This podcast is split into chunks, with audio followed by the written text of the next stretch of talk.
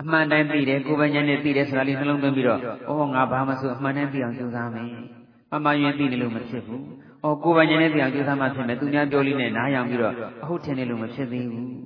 ကိုယ်ပိုင်ဉာဏ်နဲ့သိအောင်ကြိုးစားမှဖြစ်မယ်ဒီလိုလေးနှလုံးသွင်းပြီးတော့အမှန်တိုင်းသိအောင်လည်းကြိုးစားဖြစ်သွားတယ်ကိုယ်ပိုင်ဉာဏ်နဲ့သိအောင်လည်းကြိုးစားဖြစ်သွားတယ်ဒါကအလုတ်တော်ပေါ့သိစရာအလုံးအကုန်စင်သိမြင်တော်မူသောမြတ်စွာဘုရားဆိုတာကထက်တလဲလဲပွားနေရင် စပယ်ပန်းထုတ်တဲ့ဖက်စပယ်ပန်းညနဲ့ကုဆက်တယ်လို့ပဲပေါ့ဉာဏ်အကြောင်းပွားနေမှာတော့ဉာဏ်ဓာတ်တွေကုဆက်လာပြီပေါ့အကျဉ်းချင်းလေးတွေပဲပြောသွားတာပေါ့ဝိဇ္ဇာဆရဏတံပန်းတော့အတိဉာဏ်ရောအကျင့်မှာပြည့်စုံတော်မူသောမြတ်စွာဘုရားမြတ်စွာဘုရားဟာမြတ်စွာဘုရားရှင်ကသိတာသိပြီးတော့မကျင့်တဲ့ပုဂ္ဂိုလ်လည်းမဟုတ်ဘူးကျင့်တာကျင့်ပြီးတော့မသိတဲ့ပုဂ္ဂိုလ်လည်းမဟုတ်သိလဲသိတယ်ကျင့်လဲကျင့်တယ်သိလို့လဲကျင့်တယ်ကျင့်လို့လဲသိတယ်အသိရောအကျင့်ရောပြည့်စုံတယ် ဒါလေးပွားနေရင်ပွားနေရင်ကိုယ့်ကိုယ်ကိုလည်းသတိထားမိသွားတယ်ငါလည်းအသိရောအကျင့်ရောပြည့်စုံအောင်ကြိုးစားမှဖြစ်မယ်သိနေုံနဲ့မပြီးဘူးကျင့်မှဖြစ်မယ်ကျင့်နေုံလည်းမပြီးသေးဘူးသိမှဖြစ်မယ်ကိုကျင့်နေတဲ့အကျင့်တွေကအသိထွက်ပေါ်လာမှဖြစ်မယ်ကိုသိထားတဲ့အသိတွေကနေလည်းအကျင့်ဘက်ကိုကူးပြောင်းနိုင်မှဖြစ်မယ်စသည်အချင်းအသိအကျင့်ဘက်ဆုံးမြင့်ပြတ်အောင်ကိုကိုယ်ကိုသတိပေးပြီးသားဖြစ်မသွားဘူးလားဖြစ်သွားတယ်အသိဉာဏ်ရောအကျင့်မှာပြည့်စုံတော်မူသောမြတ်စွာဘုရားဆိုတော့ထက်တလဲလဲပွားနေရင်လည်း အသိရောအကျင့်ရောတဖြည်းဖြည်းနဲ့ပြည့်စုံလာတာပါပဲဓာတ်တွေပြည့်စုံလာတာပေါ့အလိုလိုတော့မပြည့်စုံကိုယ်ကိုယ်တိုင်လည်းကျင့်ရမှာပေါ့နော်သူကတော်ကောင်းသောစကားကိုဆိုတော်မူသောမြတ်စွာဘုရားကောင်းသောဆိုတာကိုအဓိပ္ပာယ်ဖွင့်လိုက်တော့မှန်ကန်၍အကျိုးရှိသောစကားကိုဆိုတော်မူသောမြတ်စွာဘုရားမြတ်စွာဘုရားရှင်မှန်တဲ့စကားပဲပြောတယ်အကျိုးရှိတဲ့စကားပဲပြောတယ်ဒါလေးထက်တယ်လဲလဲပွားနေတယ်ကိုယ်လည်းပဲမှန်တဲ့စကားအကျိုးရှိတဲ့စကားပဲပြောခြင်းနဲ့စိတ်တွေပေါ်လာတယ် စကားတစ်ခုခုပြောရမယ်ဆိုရင်သုက္ကတဂုဏတော်လေးလှမ်းတတိယမှန်ကန်၍ကျိုးရှိသောစကားကိုဆိုတော်မူသောမြတ်စွာဘုရားကိုပြောတဲ့စကားမမှန်ဘူးဆိုရင်ချက်ချင်းရက်တယ်ကိုပြောတဲ့စကားမှန်ပေမဲ့အကျိုးမရှိဘူးဆိုရင်လည်းချက်ချင်းရက်သွားတယ်ဂုဏတော်ပွားခြင်းရဲ့အကျိုးပဲနော်သူကတော်ရဲ့တိတ်တွေတော့အများကြီးရှိတာပေါ့ကောင်းသောနိဗ္ဗာန်ကိုကြွတော်မူသောမြတ်စွာဘုရားဒါလေးနဲ့ထပ်တယ်လဲပွားပြီးတော့ကိုယ်လည်းပဲဘာလို့လို့နိဗ္ဗာန်အတွက်ပဲဖြစ်စေရမယ်ဥတည်ဖြစ်သွားတယ်နော် သူကတော့တင့်တယ်သောကြွခြင်းရှိတော်မူသောမြတ်စွာဘုရားမြတ်စွာဘုရားရှင်သွားပုံလာပုံလေးကဟိုရည်စီရည်ပြည့်ဖြစ်နေတဲ့ရည်စီလက်သွားသလိုတင်းချင်းကြီးတအီးနဲ့အိန္ဒြေသိက္ခာအကြည့်အဝကိုကလမ်းလျှောက်တဲ့အမူအရာလေးတစ်ခုလုံနေပြီဆိုတော့သူကတော့တင့်တယ်သောကြွခြင်းရှိတော်မူသောမြတ်စွာဘုရားမြတ်စွာဘုရားရှင်ကြွပုံလှမ်းမှုအမူအရာလေးကအင်မတန်အိန္ဒြေသိက္ခာရှိပြီးတော့အင်မတန်တင့်တယ်တယ်အင်မတန်ကြက်ပြည့်ရှိတယ်အင်မတန်အိန္ဒြေရတယ်ဒါလေးပေါ်လိုက်တဲ့ဆိုကိုယ့်ရဲ့ခြေနှမ်းလေးတွေကငဘကအိန္ဒိမရဘူးဆိုတော့မှသူကတော့တင့်တယ်သောကြွခြင်းရှိတော်မူသောမြတ်စွာဘုရားပေါ်လိုက်တဲ့အိန္ဒိသိက္ခာတွေလိုလိုရှိမသွားဘူးလား ရှိသွားတယ်မတိမငြိမ်ဖြစ်နေတဲ့အိန္ဒိတွေကတိတိငြိမ်ငြိမ်အလိုလိုကိုဖြစ်သွားတာတိတိငြိမ်လေးနေလိုက်စမ်းတိတိငြိမ်ငြိမ်လေးနေလိုက်စမ်းလို့ကိုယ့်ကိုယ်ကိုအထူးသတိပေးနေကြမလို့တော့ဘူးတင့်တယ်သောကြွခြင်းရှိတော်မူသောမြတ်စွာဘုရားဒါဂုဏတော်လေးတွေတော့ကိုတော့သိတော့ထားမှာပေါ့နော်တကယ်မင်္ဂလာရှင်ကြီးတအီးနဲ့သွားနေတယ်လို့မျိုးမြတ်စွာဘုရားရှင်ကြောက်ပုံထမ်းမှုလေးကသိကိုကြီးညိုကြကောင်းတာပဲဒါလေးတတိယရတဲ့တပည့်နဲ့ကိုယ့်ရဲ့ခြေလမ်းလေးတွေကအလိုလိုတည်ငြိမ်သွားတာကိုယ့်ရဲ့ကိုယ်အမူအရာတွေကအလိုလိုတည်ငြိမ်သွားတာ ဂုဏတော်ပွားတယ်ဆိုတာမိတုကူတာပါသုက္ကတဂုဏပြီးတော့ပါတယ်တော့လောကဝိတုလောကဝိဆိုတဲ့အိဗေကလောကသုံးပါးကိုကောင်းစင်သိမြင်လို့မြတ်စွာတတ္တလောကဩကာသလောကသင်္ခါရလောကဆိုတဲ့လောကသုံးပါးကိုသိတော်မူတော်မြတ်စွာဘုရားတတ္တလောကတတ္တဝရီအကြောင်းလည်းအကုန်စင်သိတယ်ဩကာသလောကတမဲ့တမဲ့နဲ့ပတ်သက်လို့လည်းအကုန်စင်သိတယ်သင်္ခါရလောကယုတ်တရားနံတရားတွေခုနတတ္တနဲ့ဩကာသနှစ်ခုကို တတ္တနဲ့ဩဃာတကျတော့ပညာနေနဲ့ပြောတာပေါ့အဲ့ဒီနှစ်ခုကိုပဲပရမတ်နေနဲ့ပြောတော့သင်္ခါရလောကဖြစ်သွားတာပါရုပ်တရားဉာဏ်တရားပရမတ်တရားသင်္ခါရတရားတွေကိုလည်းအကုန်စင်သိမြင်တော်မူတယ်ဒါလေးပွားနေနေလဲကိုယ်လည်းပဲလူအကြောင်းသိအောင်ကြိုးစားခြင်းနဲ့စိတ်ပေါ်လာတယ်တမဲ့အရာဝတ္ထုတွေနဲ့ပတ်သက်လို့လည်းသိအောင်ကြိုးစားခြင်းနဲ့စိတ်တွေပေါ်လာတယ်ကိုနေထိုင်တဲ့အ ਨੇ ဆုံးကိုအိမ်ငန်းလေးကိုအိမ်ငန်းလေးဆိုရဲကိုရဲ့ဩဃာတလောကလေးပဲလေ ဩဃာတလောကအကြောင်းကောင်းကောင်းကြီးသိတော်မူသောမြတ်စွာဘုရားဆိုလူပေါ်လိုက်တော့ကိုယ်အိတ်ခမ်းထဲကဂရင်လေးဘယ်လိုထားမယ်ဇပွဲပဲနေရာထားမယ်ဆိုတော့သိဖို့မလိုဘူးလားဒါလည်းကိုယ့်ရဲ့ဩဃာတလောကလေးကိုသိရတာနော်ဒါကဂုဏတော်၉ပါးသူစင်းတို့ဟိုကံကျင်ကြောင်းထဲမှာအနိုင်မဲ့ဘာဝနာဆိုပြီးတော့စီ60ခုနှစ်ခွေးစာဟောထားပြီးတာနော်အဲ့ဒီမှာဂုဏတော်၉ပါးရဲ့အဓိပ္ပာယ်ကြီးအကျေနာယူကြည့်ပေါ့ပွားများကြည့်ပေါ့အကျေဆိုမဲ့သိအကျေကြီးတော့မဟုတ်သေးပါဘူးဂုဏတော်၉ပါးအကျေဟောမယ်ဆိုတစ်သလုံးဟောရမှာနော် အဲတတ္တလောကဩကတလောကသင်္ခါရလောကသိတော်မူသောမြတ်စွာဘုရားကိုကိုယ်တိုင်လည်းပဲလူတွေရဲ့အကြောင်းတတ္တဝါတွေအကြောင်းသိအောင်ကြိုးစားခြင်းနဲ့စိတ်ကလေးမွေးရမှာပေါ့စသည်အားဖြင့်ပေါ့အနုတ္တရောပုရိသဓမ္မတာရတိဆုံးမထိုက်တဲ့ပုဂ္ဂိုလ်ကိုမြတ်စွာဘုရားရှင်အတုမရှိဆုံးမတော်မူနိုင်လေသူ့အစင်းနဲ့သူတန်ယုံလေးဆုံးမတော်မူတယ် ဒါအသေးသေးအသေးသေးချက်ပွားမှာပေါ့နော်အကုသိုလ်ကင်းယုံလေးပဲဆုံးမတဲ့ပုဂ္ဂိုလ်အကုသိုလ်ကင်းယုံပေါ့ကုသိုလ်တိုးယုံပဲဆုံးမတဲ့ပုဂ္ဂိုလ်ကုသိုလ်တိုးယုံပေါ့စိတ်ဖြူစင်တန်ရှင်းသွားတဲ့အထိဆုံးမတဲ့ပုဂ္ဂိုလ်စိတ်ဖြူစင်တန်ရှင်းသွားတဲ့အထိပေါ့မညာယဟန္တာဖြစ်တဲ့ဒီဆုံးမမဲ့ပုဂ္ဂိုလ်ယဟန္တာဖြစ်တဲ့ဒီဆုံးမတယ်သောတာပန်ဖြစ်တဲ့ဒီပဲဆုံးမမဲ့ပုဂ္ဂိုလ်သောတာပန်ဖြစ်အောင်ပဲဆုံးမတယ်ငါးပါးသီလတရဏဂုံနဲ့ငါးပါးသီလမြဲယုံတော့ပဲဆုံးမရမယ်တရားကိုတရဏဂုံနဲ့ငါးပါးသီလမြဲယုံပဲဆုံးမပါတယ် ငါးပါးသီလလောက်ပဲတရားဆုံးမလို့ရမယ်သူကိုသွားပြီးတော့ဝိပဿနာတွေအတင်းရှိဖို့နင်းကန်တိုက်တွန်းရဲ့လားမတိုက်တွန်းဘူးအဲ့ဒီလိုမတိုက်တွန်းလို့ကိုအနှုတ်တော်ဖြစ်နေတာခုလူတွေကတော့ဘယ်လိုဖြစ်နေတော့ကိုဖြစ်ချင်တာကြီးပဲကိုဖြစ်စေချင်တယ်လို့ကြီးပဲနင်းကန်ဆုံးမနေကြတာနော်အနုတ္တရပုရိသဓမ္မတာရတိဆုံးမထိုက်တဲ့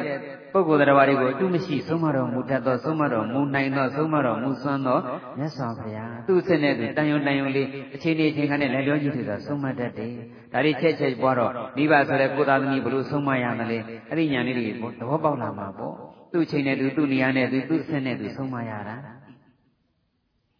အနုတ္တရပရိသဓမ္မသရတိတထာဒီဝမနုဿာနံတထာသာဆရာပေါ့ တရားရဲ့လက်တိပတိပြောမယ်ဆိုတော့ညွှန်ကြားတာပေါ့နတ်လူတွေမှာတတ္တဝါတွေကိုကောင်းရကောင်းကြောင်းနေညွှန်ကြားပြီးတော်မူသောမြတ်စွာဘုရားဒါတွေထပ်တယ်လေးပေါ်လို့ရှိရင်ကိုယ်နဲ့နိစ္စရပတ်ဝန်းကျင်ကိုတော့အချိန်လေးချိန်ခါကြုံလာပြီဆိုရင်ကောင်းရကောင်းကြောင်းနီလန်းကောင်းလေးတွေညွှန်ပြမပေးသင့်ဘူးလားညွှန်ပြပေးခြင်းနဲ့ဓာတ်တွေလည်းကုသလာတာပဲတထာဒီဝမနုဒနာထပ်တယ်လေးလေးပွားဆရာကြီးလှုပ်ရှင်မယ်လို့ဆိုလိုတာမဟုတ်ဘူးနော်တထာဒီဝမနုဒနာမြတ်စွာဘုရားတော်လောကလုံးရဲ့ဆရာပဲငါလည်းဆရာလုပ်လိုက်ဦးမယ်လို့ဒီလိုဆိုလိုတာမဟုတ်ပါဘူး ကောင်းရကောင်းကြောင်းလေးညွှန်ကြားပြသပေးတာကိုသိသလောက်မှတ်သလောက်ကလေးတွေပေါ့အချိန်ဒီချိန်ကနဲ့လက်ရောညီထွေစွာအဖြစ်ပြအကြောင်းရနဲ့လက်ရောညီထွေစွာတတ္တတိယပြဒနာပြီးတော့ဘုဒ္ဓသစ္စာလေးပါးကိုယ်တိုင်လည်းသိတော်မူတယ်တတ္တဝါများကိုလည်းသိအောင်ဟောတော်မူတယ်ဂုဏ်ဗုဒ္ဓနုတ္တိဟာဘာကြောင့်အမျက်ဆုံးလဲဆိုတော့ဒီမှာဗုဒ္ဓဂုဏ်တော်ပဲကြည်လိုက်တော့လေသစ္စာလေးပါးသိတော်မူသောမြတ်စွာဘုရားပွားတော်မယ်ဆိုမှတော့သစ္စာလေးပါးထည့်ဆိုဖို့မလိုဘူးလားလူဝမှာဘာတွေတော့သစ္စာလေးပါးကသ စ္စာသမုဒယသစ္စာနိရောဓသစ္စာမေဃသစ္စာဗုဒ္ဓနုတ္တိအမျက်ဆုံးဆိုတာအဲ့ဒါပဲဗုဒ္ဓကတော်ကြည့်လိုက်တော့သစ္စာလေးပါးပါနေသစ္စာလေးပါးအထွတ်တက်ထားတဲ့ဘာဝနာဒုက္ခသစ္စာဆိုတာဘာခေါ်ရင်ယုတ်တရားနန္တရားတွေယုံနာခန္ဓာဟာဒုက္ခသစ္စာပဲသမုဒယသစ္စာဆိုတာတဏှာပဲတဏှာနဲ့တကွကျန်တဲ့ကိလေသာတွေအကုန်လုံးကိလေသာနဲ့တကွအကုသိုလ်တွေအကုန်လုံးအကုသိုလ်နဲ့တကွကုသိုလ်အကုသိုလ်အကုန်လုံးကိလေသာမှန်သမျှကုသိုလ်ကံအကုသိုလ်ကံမှန်သမျှသမုဒယသစ္စာတွေပဲ နိဗ္ဗာန်ကတော့និရောဓသစ္စာပဲနိဗ္ဗာန်ရောက်ကြောင်းမဂ္ဂင်၈ပါးအကျင့်တရားတွေကတော့မဂ္ဂသစ္စာပဲဗုဒ္ဓဂုဏ်တော်ပွားတဲ့ခါအဲ့ဒီသစ္စာတွေပါထည့်ပွားရတာနော်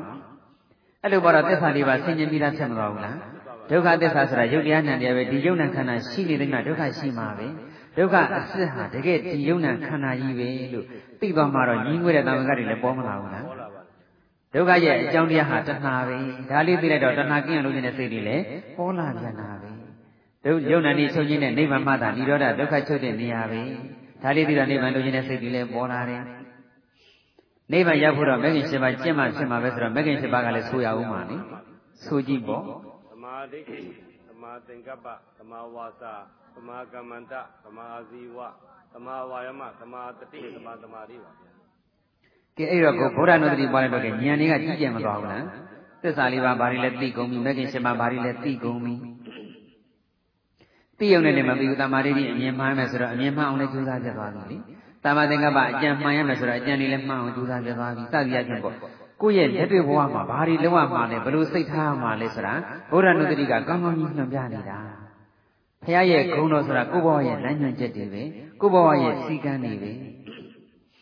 ကိုယ့်ရဲ့ဘဝကိုဂုဏ်တော်စီကံဂုဏ်တော်လမ်းညွှန်ချက်နဲ့အညီအကောင်းဆုံးအမျက်ဆုံးဖြစ်အောင်တည်ဆောက်သွားရမှာအဲ့လိုတည်ဆောက်ဖို့အတွက်ကိုပဲဂုဏ်တော်ပွားနေရတာနော် ဗုဒ္ဓဂုဏပြီးတော့ဘဂဝါဂုဏတော်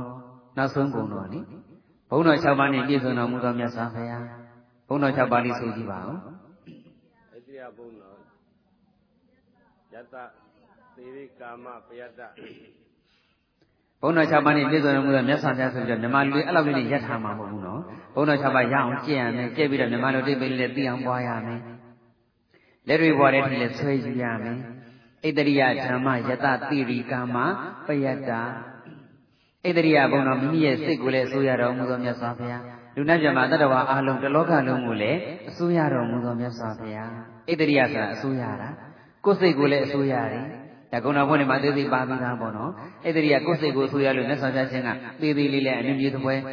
ပြောက်ွယ်သိမ့်မွေးမမြင်တွေ့အောင်ရုပ်ဆောင်ဖန်ဆင်းနိုင်တော့စသည်အချင်းအနုမြူမှုံလေးလို့သေးသေးလေးဖြစ်အောင်လည်းဖန်ဆင်းနိုင်တယ်ကိုယ်စိတ်ကိုဆိုရလို့ပေါ့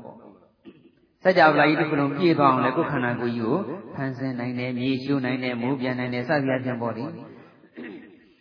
အဲ့ဒီကကိုယ်စိတ်ကိုဆိုရတဲ့အတွက်ကိုယ်စိတ်ကိုလိုသလိုကစားနိုင်တယ်တလောကလုံးကိုလည်းအစိုးရတယ်လူနဲ့ပြမတတ္တဝအလုံးကိုလည်းအစိုးရတယ်အစိုးရတယ်ဆိုတာကလူနဲ့ပြမတတ္တဝအလုံးသူတစ်ပါးကိုလိုက်ပြီးတော့ထွန်းမှုချိန်နေနေတာပြောတာမဟုတ်ဘူးအများရဲ့အကျိုးကိုအစိုးရနဲ့ရွတ်ဆောင်နိုင်တာဒီလိုကိုတဏ္ဍကုံတရားလုပ်ပေးမယ်ဆိုပြီး တရားဟောလိုက်ရင်အဲ့ဒီပုဂ္ဂိုလ်တဏ္ဍကုံမတည်ဘဲနဲ့လွဲချော်သွားတယ်ဆိုတာရှိကိုမရှိဘူးဒီလိုကိုတဏ္ဍကုံတရားကောဟောပေးတယ်တကယ်ပဲတဏ္ဍကုံတည်သွားပါတယ်ဒီလိုကို၅ပါးသီလမြင်အောင်တရားသွားဟောပေးမယ်တကယ်ပဲ၅ပါးသီလမြင်သွားပါတယ်ဒီလူကိုသောတာပန်တည်အောင်သွားဟောပေးလိုက်မယ်တကယ်ပဲအဲ့ဒီလူသောတာပန်တည်သွားတယ်ဒီပုဂ္ဂိုလ်ကတော့ယဟနာဖြစ်အောင်ဟောပေးလိုက်မှပဲဆိုဟောပေးတကယ်ပဲယဟနာဖြစ်သွားတာပါပဲ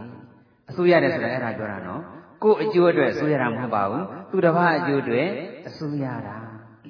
တနည်းပြမယ်ဆိုတော့ဩဇာညောင်းတာပေါ့ဩဇာညောင်းတယ်ဆိုတော့ကိုယ်အကျိုးအတွက်မဟုတ်ဘူးနော်ကိုဖြစ်ချင်တာတွေကိုသူတစ်ပါးကဖြည့်ဆည်းပေးဖို့မဟုတ်ဘူးသူတစ်ပါးဖြစ်တဲ့ဖြစ်ထိုက်တာတွေကိုဖြစ်သွားအောင်ဩဇာညောင်းတာဒီအဆုံးမလေးတစ်ခုပေးလိုက်တယ်အဲ့ဒီအဆုံးမလေးကိုအဲ့ဒီပုဂ္ဂိုလ်လိုက်နာစေခြင်းနဲ့လိုက်နာစေခြင်းတို့ပြောပြလိုက်တယ်အဲ့ဒီပုဂ္ဂိုလ်လိုက်နာသွားတယ်အဲ့ဒါကိုပဲဘာလို့ခေါ်တာလဲအစိုးရတယ်လို့ခေါ်တာကိုယ့်အတွက်အစိုးရတာမဟုတ်ပါဘူးသူတစ်ပါးအတွက်အစိုးရတာပါ ဒါလေးပွားပြီးတော့ပွားရင်ပိုင်းနဲ့ဩဣတရိယဘုန်းတော်မိမိစိတ်ကိုရောတလကလုံးကပါအစိုးရတော်မူသောမြတ်စွာဘုရားပွားရင်ပိုင်းနဲ့ကိုယ်ကိုယ်စိတ်ကိုအစိုးရတဲ့တက်ပတ်ဝန်းကျင်ကိုအစိုးရတဲ့တက်တွေလေကုသလာတာပေါ့အလိုလိုကုသခံနေုံနဲ့မပြီးကိုကိုယ်တိုင်လည်းဣတရိယဘုန်းတော်နဲ့ပြည့်စုံအောင်ကြိုးစားရမှာကိုယ်စိတ်ကိုအစိုးရအောင်လုပ်ရမယ်လောဘဖြစ်စရာအာယုန်နဲ့ကြုံလောဘမဖြစ်ဒေါသဖြစ်စရာအာယုန်နဲ့ကြုံဒေါသမဖြစ် မောဟဖြစ်စရာအာယုန်နဲ့ကြုံမောဟမဖြစ်မာနဣဒ္ဓမစ္စရိယကိလေသာဖြစ်စရာအာယုန်နဲ့ကြုံလာတဲ့ခါမှာကိလေသာမဖြစ်အောင်ထိမ့်သိမ်းထားနိုင်တာကိုကိုယ်စိတ်ကိုအစိုးရတယ်လို့ခေါ်တာမြတ်စွာဘုရားရှင်လိုမြေရှုမိုးပြန်တကိုးတွေမစွန့်မဖန်ဆင်းနိုင်တောင်မှလောဘဖြစ်စရာအာယုန်နဲ့ကြုံလောဘမဖြစ်အောင်ဖြစ်တော့မှအချင်းချင်းမဖြစ်ပဲမြန်မြန်လေးနဲ့ပြီးသွားအောင်အရှိန်ပြင်းပြင်းမဖြစ်ပဲအရှိန်နည်းနည်းလေးပဲဖြစ်အောင်အဲ့ဒီလိုအစိုးရဖို့မလိုဘူးလားလိုပါတယ်ဗျာ လိုတယ်လောဘဖြစ်စရာအာယုန်နဲ့ကြုံလောဘတန်းဖြစ်ဒေါသဖြစ်စရာအာယုန်နဲ့ကြုံဒေါသတန်းဖြစ်ဆိုတာကိုယ်စိတ်ကိုအစိုးမရလို့ပေါ့ကိုယ်စိတ်ကိုအစိုးရတယ်ဆိုရင်ကိလေသာဖြစ်เสียအာယုန်နဲ့ကြုံလေကိလေသာမဖြစ်ပါဘူးမေတ္တာကရုဏာစိတ်ဖြစ်ရမယ်အာယုန်နဲ့တွေ့ရင်လည်းမေတ္တာကရုဏာစိတ်ကအလွယ်တကူဖြစ်ပါတယ်ကုညီရမယ်ပုဂ္ဂိုလ်နဲ့တွေ့အလွယ်တကူကုညီပြတ်သွားတာကိုယ်စိတ်ကိုအစိုးရလို့ပေါ့ကိုယ်စိတ်ကိုအစိုးမရတဲ့ခါကျတော့အော်ကုညီတဲ့မှန်းတော့သိတာပဲကိုတော့ကုညီခြင်းတလို့လိုလေးတော့ရှိတာပဲတကယ်လက်တွေ့အထားမြောက်အောင်မကုညီဖြစ်ဘူး ဒါကိုယ်စိတ်ကိုအစိုးမရလို့ပေါ့ဒါကြောင့်ကိုယ်စိတ်ကိုဆိုးရဖို့ဆိုတာကိုယ်စိတ်မှာလောဘဒေါသမာနဣဒံမစ္စရိယစတဲ့ကိလေသာတွေလည်းကင်းစင်နေရမယ်ကိုယ်စိတ်မှာမေတ္တာကရုဏာမုဒိတာအစရှိတဲ့သူတော်ကောင်းဓာတ်တွေလည်းပြည့်စုံနေရမယ်ဒါဆိုရင်ကိုယ်စိတ်ကိုအစိုးရသွားတာပေါ့တလောကလုံးကိုအစိုးရတော်မူသောမြတ်စွာဘုရားဆိုတော့ကိုယ်ပတ်ဝန်းကျင်ကိုမိသားစုကိုယ်နဲ့နိစ္စရာဆရာသမားဆိုလည်းကိုယ်တပည့်အလုပ်ရှင်ဆိုလည်းကိုယ်အလုပ်သမားမိတ်ဆွေပေါင်းတဲ့ဆိုလည်းကိုယ်မိတ်ဆွေတွေအပေါ်မှာဩဇာညောင်းဖို့အစိုးရဖို့လည်းမလိုဘူးလား ကိုယ့်လိုကိုသူတို့ဖြစ်ပြန်မယ်လို့ဆိုလိုတာမဟုတ်ဘူးသူတို့အကျိုးရှိရရှိကြောင်းလေးကိုကပြောလိုက်လို့ရှိရင်ကိုပြောတဲ့စကားလေးနားထောင်လို့လိုက်နာလို့ကျင့်သုံးလို့ဒါဆိုရင်အစိုးရတာပေါ့ကိုသားသမီးကဆုံးပါတယ်ကိုဆုံးမတဲ့စကားကိုသားသမီးကနားထောင်တယ်ကိုတပည့်ကိုဆုံးမတယ်ကိုတပည့်ကကိုစကားနားထောင်တယ်ဆိုတာပတ်ဝန်းကျင်ကိုအစိုးရတာပဲအဲ့ဒီလိုပတ်ဝန်းကျင်ကိုအစိုးရတဲ့အစွမ်းတတိလည်းရှိဖို့မလိုဘူးလားအဲ့လိုကိုပတ်ဝန်းကျင်အစိုးရတဲ့အစွမ်းတတိဣတရိယဘုံတော်ကိုကိုကိုကိုကြတော်မထက်နဲ့ပေါ့နော် ဘုံဆိုတဲ့စကားလုံးလည်းမသုံးချင်မသုံးနဲ့ပေါ့ဣတရိယအစွမ်းတတိဣတရိယအရှင်အဝါရှိဖို့ဆိုတာအကြီးချင်းလည်းရှိဖို့လိုတယ်အရေးချင်းရှိမှကိုယ်စကားနားထောင်တော့မှာပေါ့ကို့မှာအရေးချင်းနေရှိမှကိုပြောတဲ့စကားကိုလက်ခံတော့မှာပေါ့အဲ့တော့ဣတရိယကိုယ့်ဘဝဉ္ဇဉ်အစိုးရခြင်းနဲ့ဆိုရင်ကိုယ့်ကိုယ်ကိုအရေးချင်းရှိအောင်ကြိုးစားသက်ဆိုင်ရာအရေးချင်းတွေပေါ့အရေးချင်းရှိုံနဲ့လည်းမပြီးသေးဘူးတစ်ဖက်သားရဲ့ကောင်းကျိုးကိုလိုလားတဲ့မေတ္တာကရုဏာလည်းတကယ်အစစ်အမှန်ရှိရမယ် မေတ္တာသာစစ်မှန်ရင်ကိုယ်စကားသူတစ်ပါးနားထောင်ပါတယ်ကရုဏာသာစစ်မှန်ရင်ကိုယ်စကားသူတစ်ပါးလက်ခံပါတယ်ဣတရိယဘုံတော်လည်းပဲချဲ့ပြီးမကုန်နိုင်ဘူးနော်ဓမ္မဘုံတော်မေဖို့နိဗ္ဗာန်လောကုတ္တရာဓမ္မနဲ့ပြည့်စုံတော်မူသောမြတ်စွာဘုရားဒါအထွတ်ထိပ်နဲ့ပြောတာပေါ့သူတော်ကောင်းဓမ္မတွေသူတော်ကောင်းတရားတွေအကုန်လုံးမြတ်စွာဘုရားရှင်မှာပြည့်စုံတာပြီဒါလေးပေါ်တော့ကိုယ့်ကိုယ်ကိုလည်းတရားရှိတဲ့ ဓာတ်တွေကုဆက်လာတာပဲတရားရှိအောင်နေခြင်းနဲ့စိတ်တွေပေါ်လာတယ်ဓမ္မဘုံတော်ဓမ္မစွမ်းတတိဓမ္မအည်ချင်းတွေရှိအောင်လုပ်ခြင်းနဲ့စိတ်ပေါ်လာတယ်ဓမ္မဘုံတော်ရှိဖို့ဓမ္မစွမ်းတတိရှိဖို့ဆိုတာကတော့လူရင်းကတော့ပညာပါပဲအသိအလိမ္မာဉာဏ်ပညာအည်ချင်းတွေရှိနေရင်ဓမ္မရှိတာပေါ့ပညာရှိတာကဓမ္မရှိတာပါပဲ ဓမ္မဆိုတာအမှန်တရားပါပဲအမှန်ကိုသိဖို့ဆိုတာပညာရှိမှသိတာဓမ္မဘုံတော်ပြည့်စုံမှုတွေသိတဲ့သိထိုက်တဲ့အမှန်တရားတွေကိုသိအောင်ကြိုးစားဖို့လောကရေးရေးကိစ္စပဲဖြစ်ဖြစ်ဓမ္မရေးကိစ္စပဲဖြစ်ဖြစ်ဘယ်ရေးကိစ္စကိုမဆိုအမှန်အတိုင်းသိတဲ့ပညာနဲ့ပြည့်စုံအောင်ကြိုးစားရင်ဓမ္မဘုံတော်ရှိမသွားဘူးလားရှိသွားပါတယ်ဣတရိယဓမ္မယတယတဆိုတာများကြသောအချမ်းယံပြန့်နှံ့သောအကျော်စောရှိတော်မူသောမြတ်စွာဘုရားအချမ်းယံนี่များတာလေယတပဲအကျော်စောဂုံတရင်นี่ပြန့်နှံ့တာလေ ဂုံတရင်นี่အကျော်စောတာလေယတပဲဒါလေးထပ်တယ်လည်းပေါ့ရင်ကို့မှလည်းပဲအချမ်းယံများကြောင်းအချမ်းယံများစေနေတဲ့ဓာတ်တတိတွေအကျော်စောများစေနေတဲ့ဓာတ်တတိတွေကုဆက်လာတယ်နော်ဖျားစီကဓာတ်လေးကုသတာနဲ့ကျင့်နေမနေကိုကိုယ်တိုင်လည်းပဲအချမ်းရံများကြောင်းအကျော်စောများကြီးကြောင်းအလုပ်ကိုလုပ်ရတယ်အချမ်းရံပိဋကများဖို့ကဒါနနဲ့တူတန်းလို့ပေးကမ်းလို့စွန့်ကြဲလို့ချီးမြှောက်လို့ဆိုရင်အချမ်းရံပိဋကမရှိဘူးလား ကိုကကိုကျင်သီလကိုစောင့်ထိန်နေကိုကျင်တရားကောင်းနေဂရိသစ္စာတည်တယ်ဆိုရင်ဂုံတရင်လည်းကြော်စောတာပဲယတဘုံနဲ့ပြည့်စုံမှုဆိုတော့အချမ်းရံပိဋကတွေများဖို့ဒါနကောင်းမှုတွေပြုရမယ်စုပေါင်းပြီးတော့တက်ညီလက်ညီနဲ့ဝိုင်းဝန်းလှုပ်ဆောင်နေဆိုရင်ကိုယ့်ကိုကိုကြီးခြင်းတဲ့သူစမ်းဆောက်ခြင်းတဲ့သူတွေများပြီးတော့အချမ်းရံပိဋကမပေါ်များဘူးလားပေါ်များတာပေါ့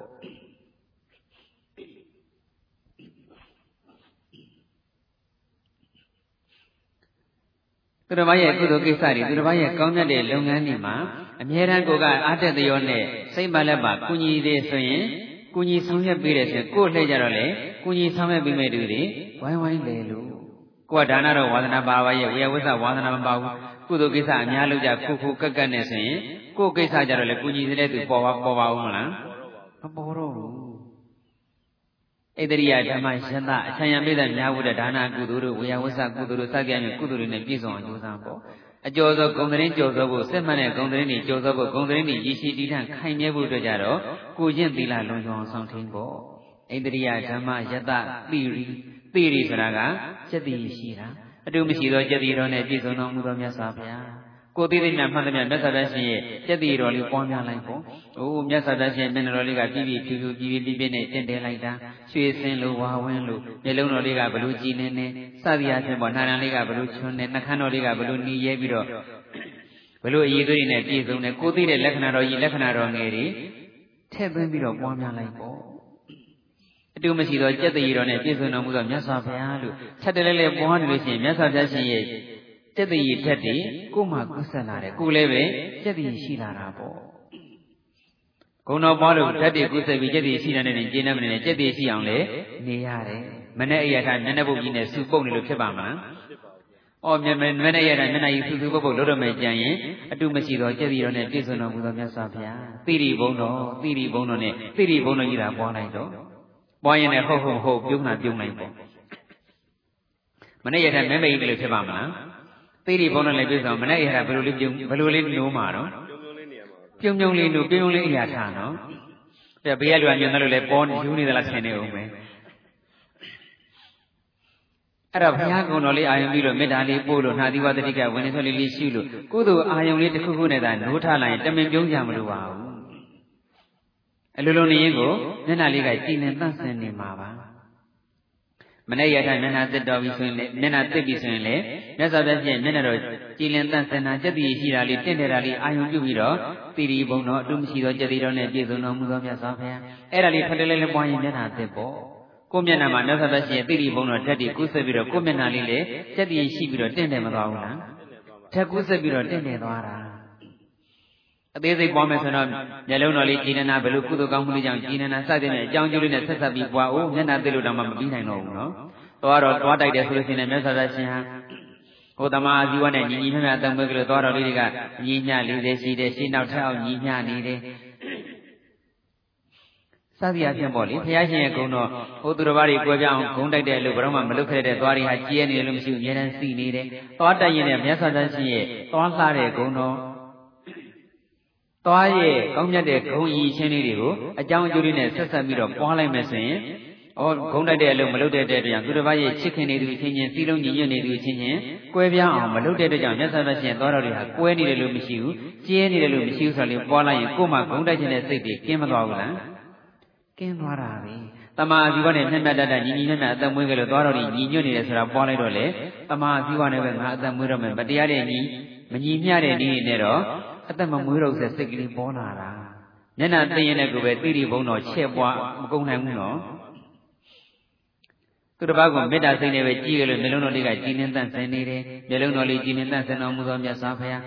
အဲ့ဒါလေးပွားရင်ပွားနေကိုယ်လည်းသူတစ်ပါးကိုဘရော့မှဒေါသမျိုးလုံးနဲ့မကြည့်ကျင်တော့ဘူးမေတ္တာမျိုးလုံးနဲ့ပဲကြည်ကျင်တယ်ကရုဏာမျိုးလုံးနဲ့ပဲကြည်ကျင်တယ်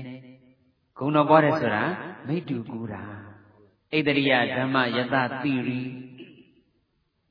ကြက်တည်းရှိဖို့ဆိုတာကလည်းမေတ္တာတဲ့အမြဲတမ်းကိန်းအောင်နေဖို့လည်းလိုတာပေါ့တချို့ကနေမကောင်းမှုဆိုရင်မျက်နှာကြီးကစူပုတ်ပြီးတော့ကြက်တည်းမရှိတော့ဘူးအေးအေးပြည့်တယ်ဆိုရင်လည်းမျက်နှာကမကြည့်တော့ဘူးကိုဖြစ်နေတဲ့ဒုက္ခဝေဒနာကိုပဲအာယုံစိုက်နေလို့ရှိရင်တော့သူတစ်ပါးနဲ့ဆက်ဆံနေမဲ့ကိုသူတစ်ပါးစီအာယုံမရောက်ဘဲနဲ့ကိုဝေဒနာပဲအာယုံရောက်ပြီးတော့စိတ်ကမျက်နှာလေးကကြည်ပါအောင်မလားမကြည်တော့ဘူးကိုတယောက်တည်းပုတ်ချင်းပုံနေပါလေပေါ့ဒါတော့မှနတ်တွေကမြင်အောင်မှာနော်ဟင်း ဒီပုဂ္ဂိုလ်ကလည်းဒီယောဂီကလည်းဒီမောင်မျက်နှာရလည်းစူပုံနေဆိုတော့ဘာမှကူညီကြမှာတော့မဟုတ်တော့အနာတော်ကတ်ချင်မှာမဟုတ်တော့ဘူးအဲ့တော့တရားနဲ့တရားရှိတွေ့ဆက်ဆံပြီဆိုလဲကိုယ်မှဒုက္ခတွေဘယ်လိုပဲဖြစ်ဖြစ်နာကျင်မှုတွေဘယ်လိုပဲဖြစ်ဖြစ်ကိုကိုယ်သာနာစေ စိတ်မနာစေနဲ့ဆိုတာလို့ပေါ့ကိုနာနေရလေးသွားအာယုံပြုနေနဲ့တစ်ဖက်သားမှအာယုံပြုပြီးတော့တစ်ဖက်သားကျမ်းမာပါစေချမ်းသာပါစေကိုနဲ့တွေ့ကိုနဲ့စကားပြောအဆင်ပြေပါစေစိတ်ချမ်းသာပါစေဆိုပြီးတော့မျက်နှာကိုကြည်ကြည်လင်လင်သတ်မှန်ကြည်ကြည်လင်လင်လေးထားပြုံးပြုံးရှင်ရှင်လေးထားပေါ့အဲ့ဒါဆိုရင်တိရိဘုံတော့တိရိအစွမ်းတတိနဲ့လည်းပြည့်စုံမသွားဘူးလားပြည့်စုံသွားတာပဲပြုံးတာနေလိုက်ပေါ့နော်ဦးဇင်းတို့ဟိုတရားရီတိုင်းကမြို့တမြို့မှာတရားဟောတော့ ညဘက်ကြီးတရားဟောရင်တရားကတဏှာကြီးခွဲလောက်ရောက်လာတဲ့ခါကျတော့တခါတယောက်ကအကျေကြီးអော်ပြီးတော့တန်းလိုက်တာကိုပေးတဲ့ထဲမှာအကျေကြီးတန်းလိုက်တော့တိတိတသားကြီးကြားလိုက်တော့ဦးဇင်းကပလင်ဘောကနေကဲတယောက်တော့တန်းနေပြီတရားသိလိုက်ရတော့မလားအဲ့ဒီကတရားဟောတော့ဦးဇင်းကလည်းဖြားလဲဖြားနေတာဖြားနေရကြီးတန်းနဲ့ခေါင်းကရကြီးတန်းနဲ့တရားကလည်းဟောနေတာလေအဲ့ဒါတယောက်တော့တန်းနေပြီနောက်တစ်ယောက်နောက်တစ်ခါတန်းတာတွေ့တော့တရားသိတော့မယ်နဲ့ဦးဇင်းကပြောလိုက်တာကို ပြောလိုက်တဲ့စကားလေးကရုပ်တရက်တာမှကြည့်လိုက်တော့စိတ်တူလို့ပြောသလိုလိုလေးဖြစ်နေတော့စကလုံးတစ်သက်ကြီးမှဆိုတော့စိတ်တူလို့ပြောတဲ့စကားမျိုးဖြစ်နေတာကိုဒီကလည်းမကောင်းဘူးဆိုတော့မျက်နှာအမူအရာလေးလည်းနည်းနည်းတင်းသွားသလားမပြောတတ်ပါဘူးတရားနာပြောတဲ့ထက်မှလည်းရန်ကုန်ကလိုက်လာတဲ့ဒကမကြီးတယောက်ကလည်းပါတော့အဲ့ဒါရန်ကုန်ရောက်တဲ့လျှောက်တယ်ရှင်ဖျားအဲ့ဒီဒကာကြီးတန်းလို့တယောက်တော့တန်းနာတွေ့ပြီနောက်တစ်ခေါက်တန်းရင်တော့တရားသိမ့်နိုင်မယ်လို့ပြောလိုက်တဲ့အချိန်မှာရှင်ဖျားရဲ့မျက်နှာလေးနည်းနည်းတင်းသွားသလိုပဲတဲ့ သူကလည်းမျက်နှာမော်ဖူးရင်းနဲ့မျက်နှာကိုကြည်နေနဲ့တရားနာတာဆိုတော့သတိထားမိသွားတာဖြစ်မှာပေါ့နည်းနည်းလေးတင်းကျင်တင်းသွားမှာပေါ့နော်အဲ့ဒါနဲ့ကောင်းပါပြီဓမ္မကြီးတော့နောက်ဆိုလို့ချင်းဟိုစကားကတင်းတဲ့စကားမျိုးဖြစ်ပြီမဲ့လို့အမူအရာကတော့လေတံကတော့တင်းတော့မတင်းပါဘူးဒါပေမဲ့ဓမ္မကြီးတို့စိတ်ထဲမှာဓမ္မကြီးတို့ရဲ့နားထဲမှာကျတော့အမြဲတမ်းအဲ့လိုတင်းတဲ့စကလုံးလေးတွေတင်းတဲ့အတန်လေးတွေမကြားဘူးတော့မျက်နှာမူရလေးတင်းတဲ့ထင်တာလေးဖြစ်ရင်ဖြစ်မှာပါတကယ်လည်းတင်းရင်လည်းတင်းသွားမှာပါ နောက်ဆိုရင်အဲ့ဒီလိုတင်းတဲ့စကားမျိုးပြောတော့မှပြုံးပြုံးလေးပဲပြောပါတော့မယ်ဟုတ်လားအဲ့ဒီမှာရေးလိုက်ပြတယ်ရှင်ကနောက်စိတ်တွေ့ရင်တော့မှပြုံးနာနေလိုက်တယ်ခုတရားနဲ့ပြတဲ့မျိုးတမ်းပြီလား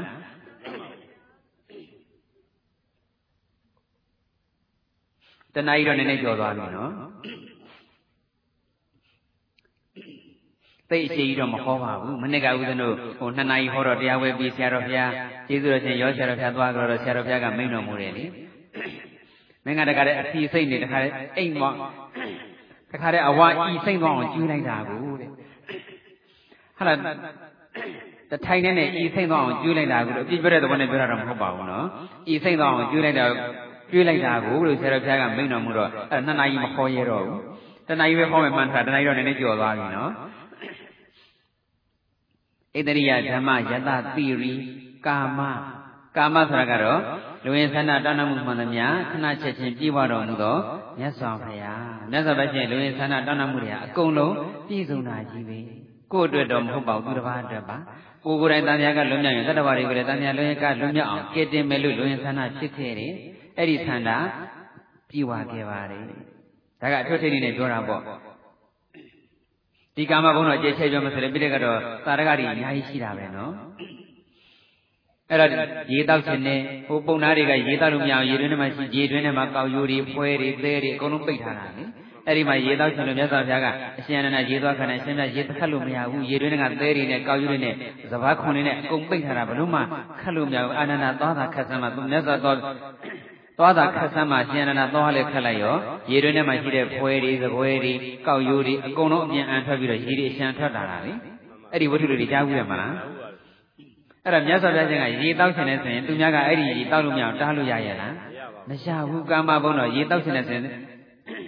ရေရင်ဘလောက်ပဲပိတ်ထားပြီးတာရေကထွက်ကိုထွက်လာရတာဒီနေရာမှာကြောင်းကြီးဆောင်ဖြစ်ချင်တယ်လို့ဆန္ဒလေးများဖြစ်လိုက်အဲ့ဒီကြောင်းကြီးပေါ်ကိုပေါ်လာတာပဲစသည်အဖြစ်ပေါ့နော်ကာမဘုံတော့ကိုယ့်ရဲ့လက်တွေနဲ့ချင်းပွားမယ်ဆိုပွားစရာအများကြီးပါပဲအဲ့ဒါကိုယ့်ရဲ့လူဝင်ဆန္ဒပြေဝကာမဘုံတော်လေးရှိကျင်နေဆိုရင်သူတစ်ပါးရဲ့လူဝင်ဆန္ဒတွေပြေဝအောင်လုပ်ပေးပေါ့သူတစ်ပါးရဲ့လိုအပ်ချက်တွေဖြည့်ဆည်းပေးပေါ့ သူတစ်ပါးရဲ့လိုအပ်ချက်ကိုကိုယ်ကဖြည့်ဆည်းပေးတဲ့ဆိုရင်ကံကံရဲ့အကျိုးသဘောတရားအရာကိုယ့်ရဲ့လိုအပ်ချက်တွေလည်းပြည့်စုံမသွားဘူးလားပြည့်စုံနေဘုရားကုံတော်တစ်ခုခုဆွဆွမြဲမြဲပွားနေတယ်ကိုနှစ်သက်တဲ့ဘုရားဟောဂါထာလေးတစ်ခုခုဂုံတော်လေးတစ်ခုခုပရိတ်ပဋ္ဌာန်းစသည်အမြဲမပြတ်ရွတ်ဖတ်တရစဲနေတဲ့ဆိုရင်အဲ့ဒီအရှင်ဝါအသံတတိတွေကြောင့်လည်းကိုယ့်ရဲ့လွင်ဆန္ဒတွေပြည့်ဝတာပဲကိုယ့်ရဲ့ကိုယ်ချင်းသီလလေးဖြည့်စင်တန်ရှင်းအောင်ထိမ့်သိမ့်ထားတဲ့ဆိုရင်လည်းသီလတကူကြောင့်လွင်ဆန္ဒတွေပြည့်ဝတာပဲကာမဘုံတော်ပြည့်ဝဖို့နည်းတွေကတော့အများကြီးပေါ့နော် လူရင်းကတော့သီလသမာဓိပညာပါပဲကုသိုလ်ကောင်းမှုပါပဲကုသိုလ်သာအစုံရှိနေလူရင်းဆန္ဒအစုံပြည့်တာပဲဘာလေးလိုချင်လို့ချင်းအဲ့ဒီလိုချင်တာနဲ့သက်ဆိုင်တဲ့ကုသိုလ်ကိုမှရှိနေတယ်ဆိုရင်အဲ့ဒီလူရင်းဆန္ဒပြည့်တာပေါ့ကုသိုလ်လေးတစ်ခုလောက်ပဲဝါသနာပါအဲ့ဒီဝါသနာပါတာလေးတစ်ခုပဲလှုပ်ထားယူနေတော့လူရင်းဆန္ဒတွေအကုန်ပြည့်ချင်မှပြည့်မှာပေါ့သူ့ကုသိုလ်နဲ့သူသူ့အကျိုးနဲ့သူပါဒါတော့ဘယ်အကျိုးမဆိုလူရင်းဆန္ဒပြည့်ခြင်းနဲ့ဆိုရင်ဘယ်ကောင်းမှုမဆိုတောင်းစီအောင်အကွက်စီအောင်လှုပ်ထားလိုက်ပါ ဣတရိယဓမ္မယတတိရိကာမပယတ္တအတုမရှိသောလုံလဝရိယနဲ့ပြည့်စုံတော်မူသောမြတ်စွာဘုရားမြတ်စွာဘုရားရဲ့တဏိတာလုပ်ငန်းကိစ္စတွေကိုဘုဟုတ္တရှိတယ်လို့စဉ်းစားကြည့်လိုက်ပေါ့ဘယ်လောက်ကြီးညိုကြကောင်းထားတော့နော်အဲ့ဒါတွေပွားများရင်ပွားများနဲ့ကို့မှလည်းလုံလဝရိယကြီးမားတဲ့ဓာတ်တွေကူးဆက်လာတာပဲတခါတည်းဝရိယရော့နေတဲ့အချိန်အတုမရှိသောလုံလဝရိယနဲ့ပြည့်စုံတော်မူသောမြတ်စွာဘုရားပယတ္တဘုံတော်ကြီးနဲ့ပြည့်စုံတော်မူသောမြတ်စွာဘုရား ပယတ္တဘုံတော်အတုမရှိသောလုံလဝရိယနဲ့ပြည့်စုံတော်မူသောမြတ်စွာဘုရားလို့ထပ်တလဲလဲပွားလိုက်မှဆိုရင်ဝရိယဓာတ်တွေကိုယ့်ရဲ့နှလုံးသွေးတွေကိုယ့်ရဲ့အသွေးသားတွေကိုယ့်ရဲ့စိတ်ထဲမှာစီးဝင်ပြီးတော့ဝရိယတွေအားကောင်းသွားတာပဲဟိုဖရာဆိုတာအသာထားလိုက်ပါဦးခုဦးဇင်းတို့ဒီမဟာဗုဒ္ဓတော်ကျောင်းသားရဲ့ကျေးဇူးတော်ရှင်ရောဆရာတော်ဖရာတို့ဆိုလေတနေ့တနေ့တရားဝယ်ဒီငါ၆ပွဲဟောလို့စာရီလည်းပို့ချလို့စာရီလည်းရေးသားလို့တရားဘာဝနာတွေလည်းအားထုတ်လို့တပည့်တပန်းတွေလည်းဆုံးမလို့တနေ့တနေ့လုပ်ရတဲ့လုပ်ငန်းကိစ္စတွေမများဘူးလား လုံလဝရိယအင်မတန်ကြီးမားတော်မူတာပဲကိုမျက်စိနဲ့မြင်တွေ့နေရတဲ့ကိုမျက်စိနဲ့ဖူးမြင်နေရတဲ့ကျေးဇူးတော်ရှင်ဆရာတော်တန်ဃာတော်တွေဓမ္မဒီလောက်လုံလဝရိယကြီးမားရင်မြတ်စွာဘုရားဒီဆရာတော်တန်ဃာတော်ရဲ့ဆရာဖြစ်တဲ့မြတ်စွာဘုရားဘလောက်တောင်လုံလဝရိယကြီးမားလိုက်မလဲခံမှန်းပြီးတော့ကြည်ညိုလို့မရဘူးလားရပါတယ်ဣတရိယဓမ္မယတတိရိကာမပယတ္တဘုံတော်6ပါးနဲ့ပြည့်စုံတော်မူသောမြတ်စွာဘုရား ဒီလိုမြမလိုလေးတွေထက်တလဲလဲပွားနေမယ်ဆိုရင်ကိုယ်စိတ်ထဲကိုယ်နှလုံးသားထဲကိုယ်ဘဝထဲမှာကိုယ့်ရဲ့ကာယကံဝစီကံမနောကံထဲမှာမြတ်စွာဘုရားရှင်ရဲ့ကောင်းမြတ်တဲ့အစွမ်းတတ္တိတွေကောင်းမြတ်တဲ့အရည်ချင်းတွေကူးဆက်လာနိုင်ပါတယ်။ဒါကြောင့်ဆိုလိုက်ပေါ့စိတ်ဓာတ်မြင့်လို့စိတ်ဓာတ်မြင့်လို့ဂုဏ်တော်ကိုပွားကိုပွားရမည်ပွားကိုပွားရမည်စိတ်ဓာတ်မြင့်လို့ဂုဏ်တော်ကိုပွားကိုပွားရမည်စိတ်ဓာတ်မြင့်လို့ဂုဏ်တော်ကို ပွားကိုပွားရမည်စိတ်ဓာတ်မြင့်လို့ဂုဏ်တော်ကိုပွားကိုပွားရမည်စိတ်ဓာတ်တင်လားဆိုတာမဟုတ်ပါဆောင်းဘုကနတ်ထုထပ်စမစနော်လူရမြတ်လူမျက်နှာနဲ့မျက်နှာနဲ့ကွဲသွားအောင်ပေါ့နော်စိတ်ဓာတ်နဲ့လူရဆိုတာလေးအဓိကထားခြင်းလို့မလို့လူရမြတ်လူဂုံတော်ကိုပွားကိုပွားရမည်ဒါလည်းဆိုလို့ရတာပဲလေဆိုလိုက်ကြည့်ပေါ့လူရမြတ်လူလူရမြတ်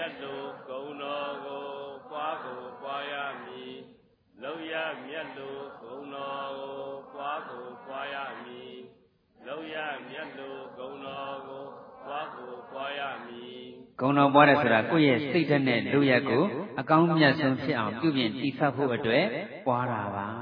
ဘုရားကုဏကိုအတိတ်ပဲသိသိနဲ့ကြည်ကြည်ပြည့်ညတ်တာတကယ်ပြီးပြီးပြင်းပြင်းပွားမယ်ဆိုရင်စိတ်အခမ်းပေါ်မှာမူတည်ပြီးတော့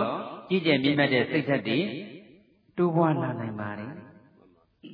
ဘုရားစုနဲ့ထက်တဲ့ပုဂ္ဂိုလ်တွေအတွက်ဆိုရင်တော့လေပရဟိတစိတ်ဓာတ်အများကျိုးတည်ဖို့ရွတ်ဆောင်ခြင်းတဲ့စိတ်ဓာတ်တွေအထွတ်ထွတ်ရအောင်တိုးပွားလာနိုင်တယ်။တန်တရားဝိသေကမြန်မြန်လွတ်မြောက်မဲ့ ပုဂ္ဂိုလ်မျိုးဆိုရင်လေတရားဝိပဿနာဘာဝနာလို့တတိပဋ္ဌာန်ဝိပဿနာအလုပ်တရားဘာဝနာအလုပ်တွေကိုမြန်မြန်တွတ်တွတ်အားထုတ်ခြင်းတဲ့စိတ်တွေစိတ်ပါလက်ပါစူးစူးသက်သက်အားထုတ်ခြင်းတဲ့စိတ်တွေဆက်သန်းလာနိုင်တယ်ဂုဏတော်ပွားခြင်းကြောင့်ရလာမယ့်အကျိုးတွေကတော့စိတ်ခံပေါ်မူတည်ပြီးတော့ပွဲပြားသွားတာပေါ့အဓိကကတော့မဖို့နိဗ္ဗာန်ပေါ့လေအဲ့တော့တိတ်ကဘုရားစုမှန်ထားခဲ့တဲ့ပုဂ္ဂိုလ်ကြီးဘုရားဖြစ်ကြောင်းတပိဋကဉာဏ်တော်ကြီးရီမှန်းတောင်းတပြီးတော့ကုသိုလ်ကောင်းမှုပြုခဲ့မှုတဲ့ပုဂ္ဂိုလ်ကြီးဒီဘဝမှာလည်းပဲ ကရုဏာပညာကြီးမားတဲ့အတွက်ကိုကိုယ်တိုင်တန်မြာကလွတ်ရင်အများကိုလည်းတန်မြာကလွတ်အောင်ကဲတင်မယ်ဆိုတဲ့စိတ်ဓာတ်မျိုးရှိတဲ့ပုဂ္ဂိုလ်တွေအတွက်ဘုရားကုံတော်ကိုပွားလေအများအကျိုးတည်ဖို့ရွတ်ဆောင်ခြင်းနဲ့စိတ်တည်တူဝါလာလေစိတ်ကကြည်လင်တန့်ဘုရားကုံတော်ပေါ်တော့စိတ်ဓာတ်ကလေးကလည်းကြည်လင်တန့်ဆင်နေတော့အများအကျိုးတည်ဖို့ရွတ်ဆောင်နေရတာပြင်းကြီးကြီးကိုတယ်လို့ကိုမရှိပါဘူးစိတ်ကလေးကကြည်လင်တန့်ဆင်အများကျိုးတည်ဖို့ရွတ်ဆောင်ရတာပြောလို့ကိုကိုကိုဖြည့်ခံရလို့ဘလို့မှမထင်ပါဘူးကုံတော်ရဲ့မြဲပွားပ ရဟိတစိတ်ဓာတ်တွေကြီးကြီးမားမားထက်သန်လာတော့အများကျိုးတည်ဖို့ရွတ်ဆောင်ခြင်းနဲ့စိတ်တွေလည်းအားကောင်းတယ်တည်ဖို့ရွတ်ဆောင်နေရတာကိုလည်းပျော်မွေ့ပါတယ်ဒါကြောင့်ဘုရားစုပန်တဲ့ပုဂ္ဂိုလ်တွေဗုဒ္ဓနုတ္တိပွားရမယ်ဆိုပြီးရှေးဆရာတော်ကြီးတွေလည်းမိန့်တော်မူခဲ့ကြတာနော်ဘုရားစုပန်တဲ့ပုဂ္ဂိုလ်မှာဗုဒ္ဓနုတ္တိပွားမှာလားဆိုတော့မဟုတ်ပါဘူးဒီဘဝဒီခန္ဓာနဲ့ကိုတန်မြတ်ဇက်အမြင့်ပြတ်ခြင်းယဟန္တာဖြစ်ခြင်းတဲ့ပုဂ္ဂိုလ်လည်းဘုရားကုံတော်ပွားရမှာပဲဘုရားကုံတော်ပွားလိုက်တော့မှဘုရားရဲ့သံတတိရည်ရှင်တဲ့ကြီးညိုဘုရားကိရိတာကင်နာပွားကိုလည်းကိရိတာတွေကင်းခြင်း မြတ်စွာဘုရားပါရမီတော်တွေပင်မခံဆင်းရဲခံပြီးဖြည့်လာတာငါတို့လိုပုဂ္ဂိုလ်တွေတန်မြတ်ကလွတ်မြောက်အောင်ကဲတင်ခြင်းလို့ဒီပင်ကရာမြတ်စွာဘုရားတဲ့တဲ့က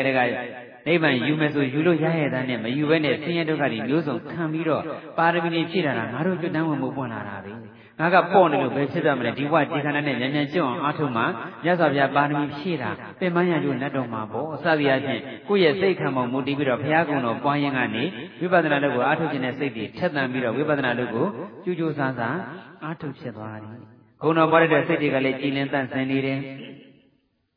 ကြည်လင်တန့်ဆင်နေတဲ့စိတ်ကလေးနဲ့ဝိပဿနာရှိရတဲ့ဝိပဿနာဉာဏ်လေးလည်းဉာဏ်ဉာဏ်ဖြစ်တာပေါ့အားကောင်းကောင်းဖြစ်တာပေါ့အလုံးသိပြီးသားပါပဲဖုဒ္ဓဒီဝမထေမြတ်ဒီဝခေတုံကဖုဒ္ဓဒီဝဆိုတဲ့မထေမြတ်တစ်ပါးရှိခဲ့ဘူးလေအရှင်မြတ်ရဲ့အဓိကပင်နိုင်ကမ္မထံကဘုဒ္ဓနုတ္တိကမ္မထံပဲသွားရင်လာရင်လုံရင်ကန်ရင်စားရင်တောင်းရင်လည်းအမြဲတမ်းပွားတယ်ပြီးကြထိုင်ရင်လည်းပွားတယ်အထူးသဖြင့်တော့ဖက်ဇေဒီတော်ရင်းမြပေါ်မှာတမျက်စီလှဲပြီးတဲ့အချိန်ဟာဂုံတော်ပွားလို့အကောင်းဆုံးချိန်ပဲ ဇေဒီရင်းမြပေါ်မှာမှတ်တဲ့ကင်းစင်တော်တာလေးကြည့်ပြီးတော့ဇီရိရင်မြမအမှတ်တရိုက်တွေကင်းဆန်သွားသလိုပဲမြတ်စွာဘုရားရှင်ရဲ့စိတ်အစဉ်မှာလည်းကိလေသာအမှတ်တရိုက်တွေကိလေသာညစ်ကြေးတွေကင်းစင်နေတယ်ဇီရိရင်မြမအမှတ်တရိုက်ညစ်ကြေးတွေကင်းစင်နေတော့မြင်ရတာကြည်လင်သွားသလိုပဲမြတ်စွာဘုရားရဲ့စိတ်အစဉ်မှာကိလေသာညစ်ကြေးကိလေသာအမှတ်တရိုက်ကင်းတော့ဘလောက်တောင်ကြည်လင်နေလိုက်မလဲ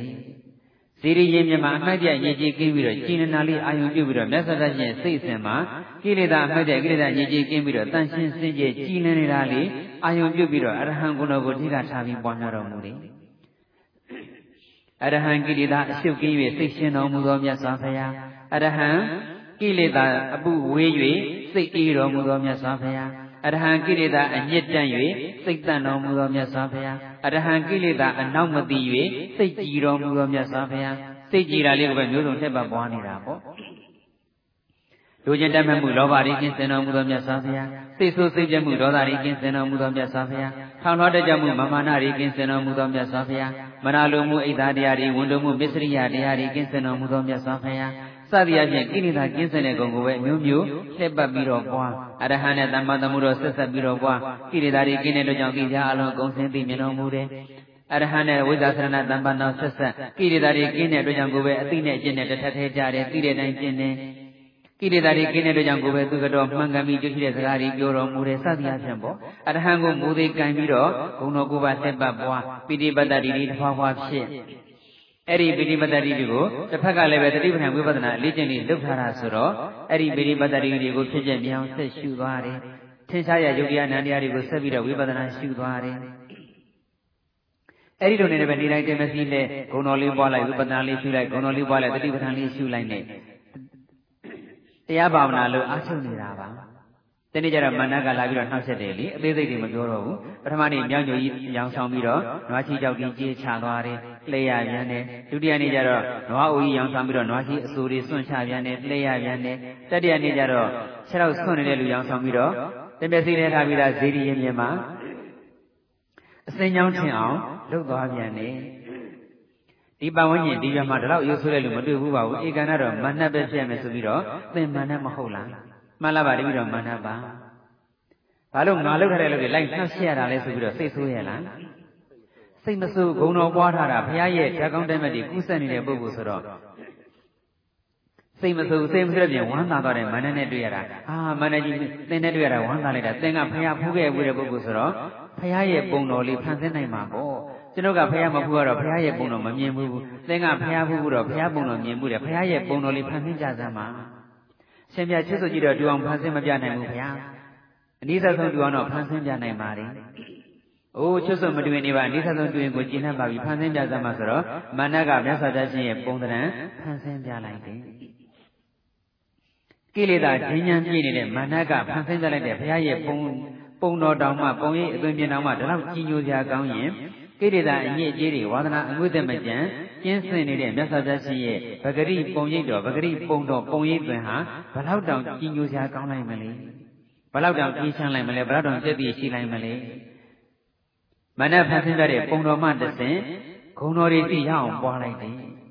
ကြည်ညိုတဲ့စိတ်တွေကြည်နေတဲ့စိတ်တွေဝမ်းမြောက်တဲ့စိတ်တွေနှစ်သက်တဲ့စိတ်တွေပေါ်လာအဲ့ဒီစိတ်တွေသတိပဋ္ဌာန်ဝိပဿနာနည်းနဲ့ဖြစ်ပြမြအောင်ဆက်ရှုဝမ်းသာရင်ဝမ်းသာတဲ့ကြည်လင်ရင်ကြည်လင်တဲ့စသည်အားဖြင့်ပေါ့ရှုနေရကနေဂုဏ်တော်နဲ့ပတ်သက်တဲ့စိတ်စိတ်တွေယုံနာနေရှုနေရကနေရက်နေတဲ့အမူအရာရက်တင်ရက်တင်မမတော်တော်ဖြစ်နေတဲ့သဘောတကြုံနံတဲ့သဘောမြင်အောင်ရှု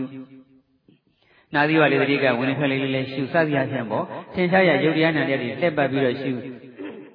ဂုံတော်လေးရှုလိုက်ဝိပဿနာလေးရှုလိုက်ဂုံတော်လေးရှုလိုက်ဝိပဿနာလေးရှုလိုက်နဲ့ရှုရင်ရှုရင်သောတာပန်ဖြစ်သွားတယ်ဆက်ပြီးတော့ဂုံတော်ပွားတယ်ဝိပဿနာရှုတယ်တက္ကရာဂံဖြစ်သွားတယ်ဂုံတော်ပွားတယ်ဝိပဿနာရှုတယ်အနာဂံဖြစ်သွားတယ်ဂုံတော်ပွားတယ်ဝိပဿနာပြန်ရှုတယ်ယဟနာဖြစ်သွားတယ်မတ္တတရထင်းနဲ့ပဲယဟနာဖြစ်သွားပါတယ်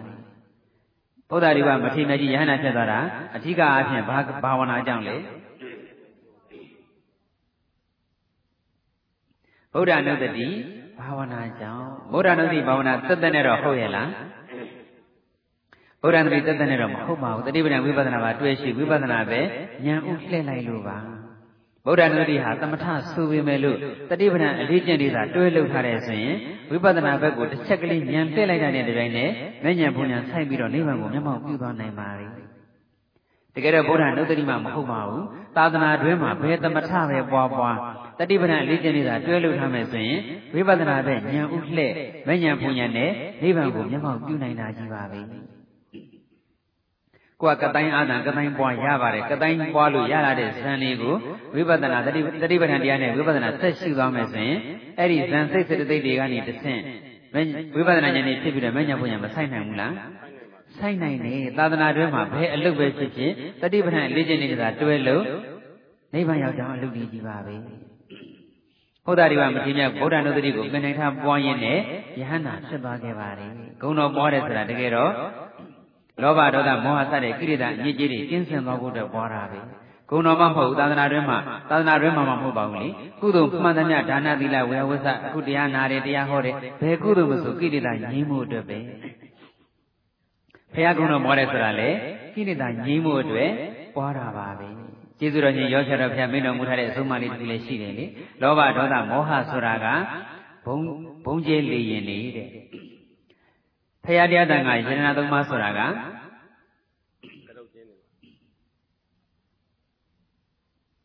ရှိရစကားနဲ့လိုက်အောင်ပြောမယ်ဆိုရင်လောဘဒေါသမောဟကဘုံကျဲလေရင်လေတဲ့ဖရာတရားတန်ခါယန္နာသုံးပါးဆိုတာကဘုံခိုခြင်းလေ တနေ့တည်းကြုံတွေ့နေရတဲ့ဆင်းရဲဒုက္ခတွေမှန်သမျှအပူအရှုပ်တွေမှန်သမျှလောဘဒေါသမောဟဘုံတွေကြေးချလို့မဟုတ်ဘူးလား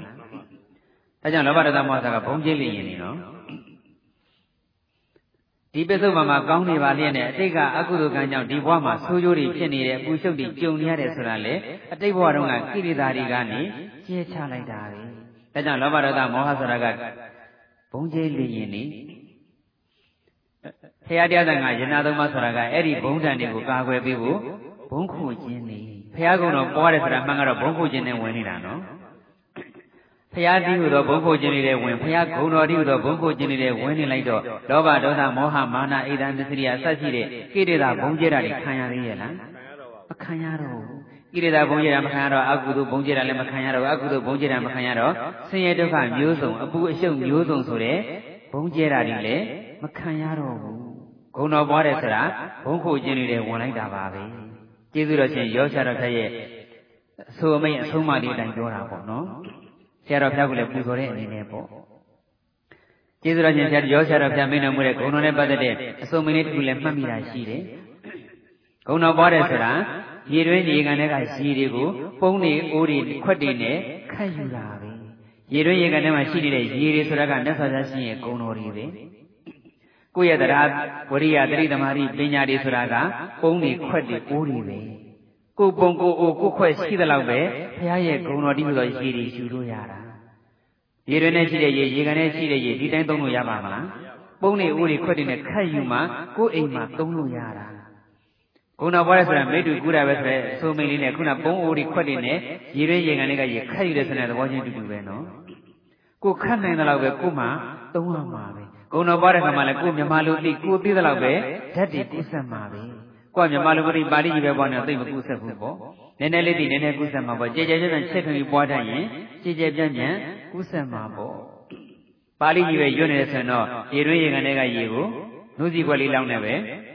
ခတ်သေးတာနဲ့တူးနေမှာပေါ့ဂုဏတော်ရဲ့အိဗယ်မြမလူကြည်ကြဲပြန့်ပြန့်သိပြီးတော့မြမလူကြည်ကြဲပြန့်ပြန့်ပွားပွားယုံနဲ့မကကြည်ညိုယုံနဲ့မကကိုယ်တိုင်မှလိုက်နိုင်ကြင်ကြံတဲ့ဂုဏတော်ပွားခြင်းသည်ကြည်ညိုယုံ ကြည်ညိုယုံတက်တဲ့ဂုဏတော်ပွားခြင်းမဟုတ်ကျင့်ကြံမှုအတွက်ပါဂုဏတော်ပွားခြင်းဖြစ်သည်ဆိုတဲ့သဘောတရားလေးနားလည်ပြီးတော့ဖះကိုလည်းတစ်ဖက်ကကြီးညိုကိုကိုယ်တိုင်လည်းပဲဖះရဲ့ဂုဏ်တော်တိုင်းကျင့်ကြံနေတယ်ဆိုရင်ပုံကြီးကြီးခွက်ကြီးကြီးဟိုစီပိုင်းကြီးနဲ့ကိုပေါ့နောက်ဆုံးပိုင်းနဲ့ကိုတန်းပြီးတော့တခါလေဆက်နဲ့မောင်းဆွဲတယ်လိုက်တော့ရေတွေအများကြီးဝင်မလာဘူးလားဦးလေးနဲ့ခတ်တယ်တော့ကြားတယ်လေရေဆုပ်ဆက်နဲ့ဆွဲလိုက်တော့ရေတွေအများကြီးဝင်မလာဘူးလား အဲ့တော့ပညာဉာဏ်အားကောင်းကောင်းနဲ့တတိဉာဏ်အားကောင်းကောင်းနဲ့ဂုဏ်တော်ပွားတဲ့ဆိုတော့ရေသုတ်ကြီးနဲ့စုပ်ယူတယ်လို့ကိုပဲတခါတည်းဂုဏ်တော်တွေကိုယ်စိတ်တဲ့ဂုဏ်တော်အစွမ်းတတိဂုဏ်တော်အကြီးချင်းနဲ့အလားတူအစွမ်းတတိအလားတူအကြီးချင်းနဲ့ကိုယ်စိတ်တဲ့ကိုယ်နှလုံးသားတဲ့ကိုယ်ဘဝတဲ့ကိုယ့်ရဲ့ကာယကံမစီကံမနောကံတွေတဲ့အကုန်လုံးကူးဆက်လာမှာပဲရေရွေးရကနဲ့ကရှိတဲ့ရေတွေကိုကိုကိုခွက်ကိုပုံရှိသလောက်ပဲခတ်နိုင်သလောက်ပဲကိုသုံးလို့ရပါတယ်ဂုဏ်တော်ပွားတဲ့ဆိုတာမိတ္တူကုရနဲ့အတူတူပဲဆိုပေမဲ့သူပွားလို့ကူးတဲ့ မိတူနဲ့ကိုပွားလို့ကူတဲ့မိတူတူနိုင်မှာမလားမတူနိုင်ဘူးကိုယ်စိတ်အခမ်းပေါ်မှာလည်းမူတည်တယ်ယောနေတော်မနတိကရဘယ်အရာနဲ့ပဲကြုံကြုံကုသိုလ်ပြောင်းနှလုံးသွင်းတတ်တဲ့စိတ်ကလေးရှိတဲ့ဆိုရင်စိတ်အခမ်းဖြူပွေးတန်းစင်တာပေါ့မိတူကူတယ်ဆိုတာကဟိုနှလုံးသားမိတူဆိုတဲ့ခေါင်းစဉ်နဲ့လည်းပြီးကြတော့ပြီးကြတော့ဟောပြီးသားပါနော်မိတူသဘောလေးတွေနဲ့လေ အဲ့တော့နာသီဝလေးတိကဝင်လေထွက်လေးလေးအမြင်ရှုစသည်အချင်းတခြားစိတ်ထားလေးလည်းကောင်းမယ်ဝင်လေထွက်လေးလေးအမြင်ရှုလို့ကိုယ်စိတ်ကလေးကိုလည်းအမြဲတမ်းတန့်စင်အောင်လုပ်ထားမယ်ဆိုရင်ကိုယ်စိတ်အခန့်လေးကဖြူပွေးတန့်စင်နေတော့ဂုံတော်ပွားလိုက်လို့ရှိရင်ဂုံတော်ရဲ့အစွမ်းတတ္တိဂုံတော်ရဲ့အရေးချင်းတွေပို့ပြီးတော့ကုသတာပေါ့ဒါကြောင့်ဂုဏ်တော်ကိုတကယ်ပြီးပြီးပြင်းပွားရမယ်ဆိုရင်တင်မလင်ခွေခါဆန်းပြီးတော့တိကျလေးထိုင်ပွားရမယ်ဆိုရင်လေဂုဏ်တော်တတ်မပွားသေးဘဲနဲ့ဝင်နေထွက်လေးလေးရှုမှတ်ကိုယ်စိတ်ကလေးတန့်စင်အောင်လုပ်စိတ်ကလေးဖြူဖွေးအောင်လုပ်စိတ်အခန့်လေးဖြူဖွေးတန့်စင်သွားပြီဆိုမှဂုဏ်တော်လေးပွားတော့ဂုဏ်တော်တက်တယ် များများကုဆက်မလာဘူးလားကုဆက်လာပါတယ်အဲ့တော့ဂုဏ်တော်အမြဲပွားနေတဲ့ပုဂ္ဂိုလ်ရဲ့စိတ်ဟာဂုဏ်တော်တတ္တိဂုဏ်တော်အရှိန်နေဟန့်နေတဲ့အတွက်ယရနာတုံးယရနာခင်းနဲ့တူနေတယ်ယရနာရှိရယရနာလာဆိုတဲ့အတိုင်းဂုဏတော်ပွားနေတဲ့သူရဲ့ဓမ္မကိုကောင်းကျိုးချမ်းသာမျိုးစုံဟာဆက်ရောက်လာကြမှာပါပဲဒါကြောင့်မြတ်စွာဘုရားရှင်က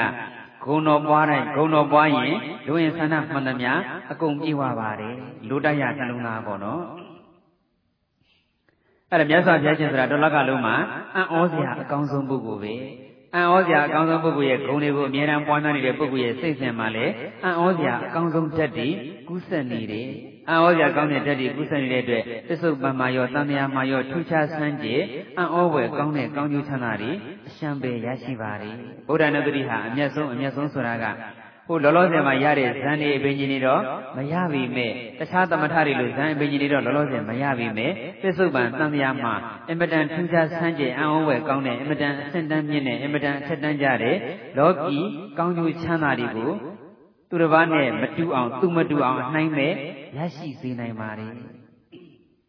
သာသနာတွင်မှာပြုသမျှကုသိုလ်ကောင်းမှုတွေအားလုံးကိုအကျိုးပေးချက်တန်စေတာအကျိုးပေးကြီးကျယ်မြင့်မြတ်စေတာဟာဘုရားနုတ္တိရဲ့အစွမ်းတတ္တိပါပဲဂုဏ်တော်လေးပွားပွားပြီးတော့သာကုသိုလ်ကောင်းမှုပြုမယ်ဆိုရင်ကိုပြုသမျှကုသိုလ်ကောင်းမှုတွေရဲ့အည်အသွေးဟာတောက်ပြောင်ခြင်းတိုင်းတောက်ပြောင်နေပါတယ် အဲ့တော့ကိုယ်စိတ်တန်တဲ့ကိုယ်လိုရက်ကိုအကောင်းမြတ်ဆုံးဖြစ်အောင်ပုံဖော်ထုစစ်ပြုပြင်တည်ဆောက်နိုင်တဲ့အတွက်ကြောင့်လေဗုဒ္ဓနုတ္တိဘာဝနာဟာအကောင်းဆုံးအမြတ်ဆုံးဘာဝနာအနှိုင်းမဲ့ဘာဝနာလူအင်ဆန္ဒတောင်းတမှုမှန်သမျှကိုအစဉ်တန်းအမြင့်ဆုံးပြည့်ဝစေနိုင်တဲ့အတွက်ကြောင့်လည်းပဲဗုဒ္ဓနုတ္တိဘာဝနာဟာအကောင်းဆုံးဘာဝနာအမြတ်ဆုံးဘာဝနာအနိုင်မဲ့ဘာဝနာလူဝင်ဆန္ဒဆိုတဲ့မှာနောက်ဆုံးမဲ့ညာဘုံညာဆိုတဲ့လောကုတ္တရာလူဝင်ဆန္ဒကိုပါတတိပဋ္ဌာန်ဝိပဿနာရဲ့အကူအညီနဲ့ပြည့်ဝစေနိုင်ပါတယ် တရားနာပိသများအားလုံးအမျက်ဆုံးဘာဝနာအကောင်းဆုံးဘာဝနာအနှိုင်းမဲ့ဘာဝနာဖြစ်တဲ့ဗုဒ္ဓနုတ္တိဘာဝနာကိုတတိပဋ္ဌာန်ဝိပဿနာအထွတ်တင်ပြီးတော့မဲ့ညာဘုံညာနဲ့နိဗ္ဗာန်ဆက်ရောက်မျက်မှောက်ပြုနိုင်တဲ့အထိပွားများအားထုတ်နိုင်ကြပါစေလို့ဆုမွန်ကောင်းတောင်းရင်းနဲ့ဦးဇင်းတို့ရဲ့အနှိုင်းမဲ့ဘာဝနာတရားကိုဒီနေရာမှာပဲညီကုန်းချုပ်ပါတော့မယ်တရားနာပိသများအားလုံးလက်ဥချီထားကြပါအရေးအကြီးဆုံးစကားတစ်ခုနဲ့တရားညီကုန်းချုပ်ပါမယ် အပမဒီနာတံပါတိထာအပမဒီနာမမိတ်မလျောမပေါ်မဆပြင်းပြထက်သန်မှန်ကန်သောတတိတရားဖြင့်တံပါတိထသီလသမာဓိပညာဥဆွတ်သောသိက္ခာသုံးပါးတို့ကိုကိုယ်စီကိုငါပြည့်စုံအောင်ကြိုးစားအားထုတ်နိုင်ရပါစေကုန်သတည်း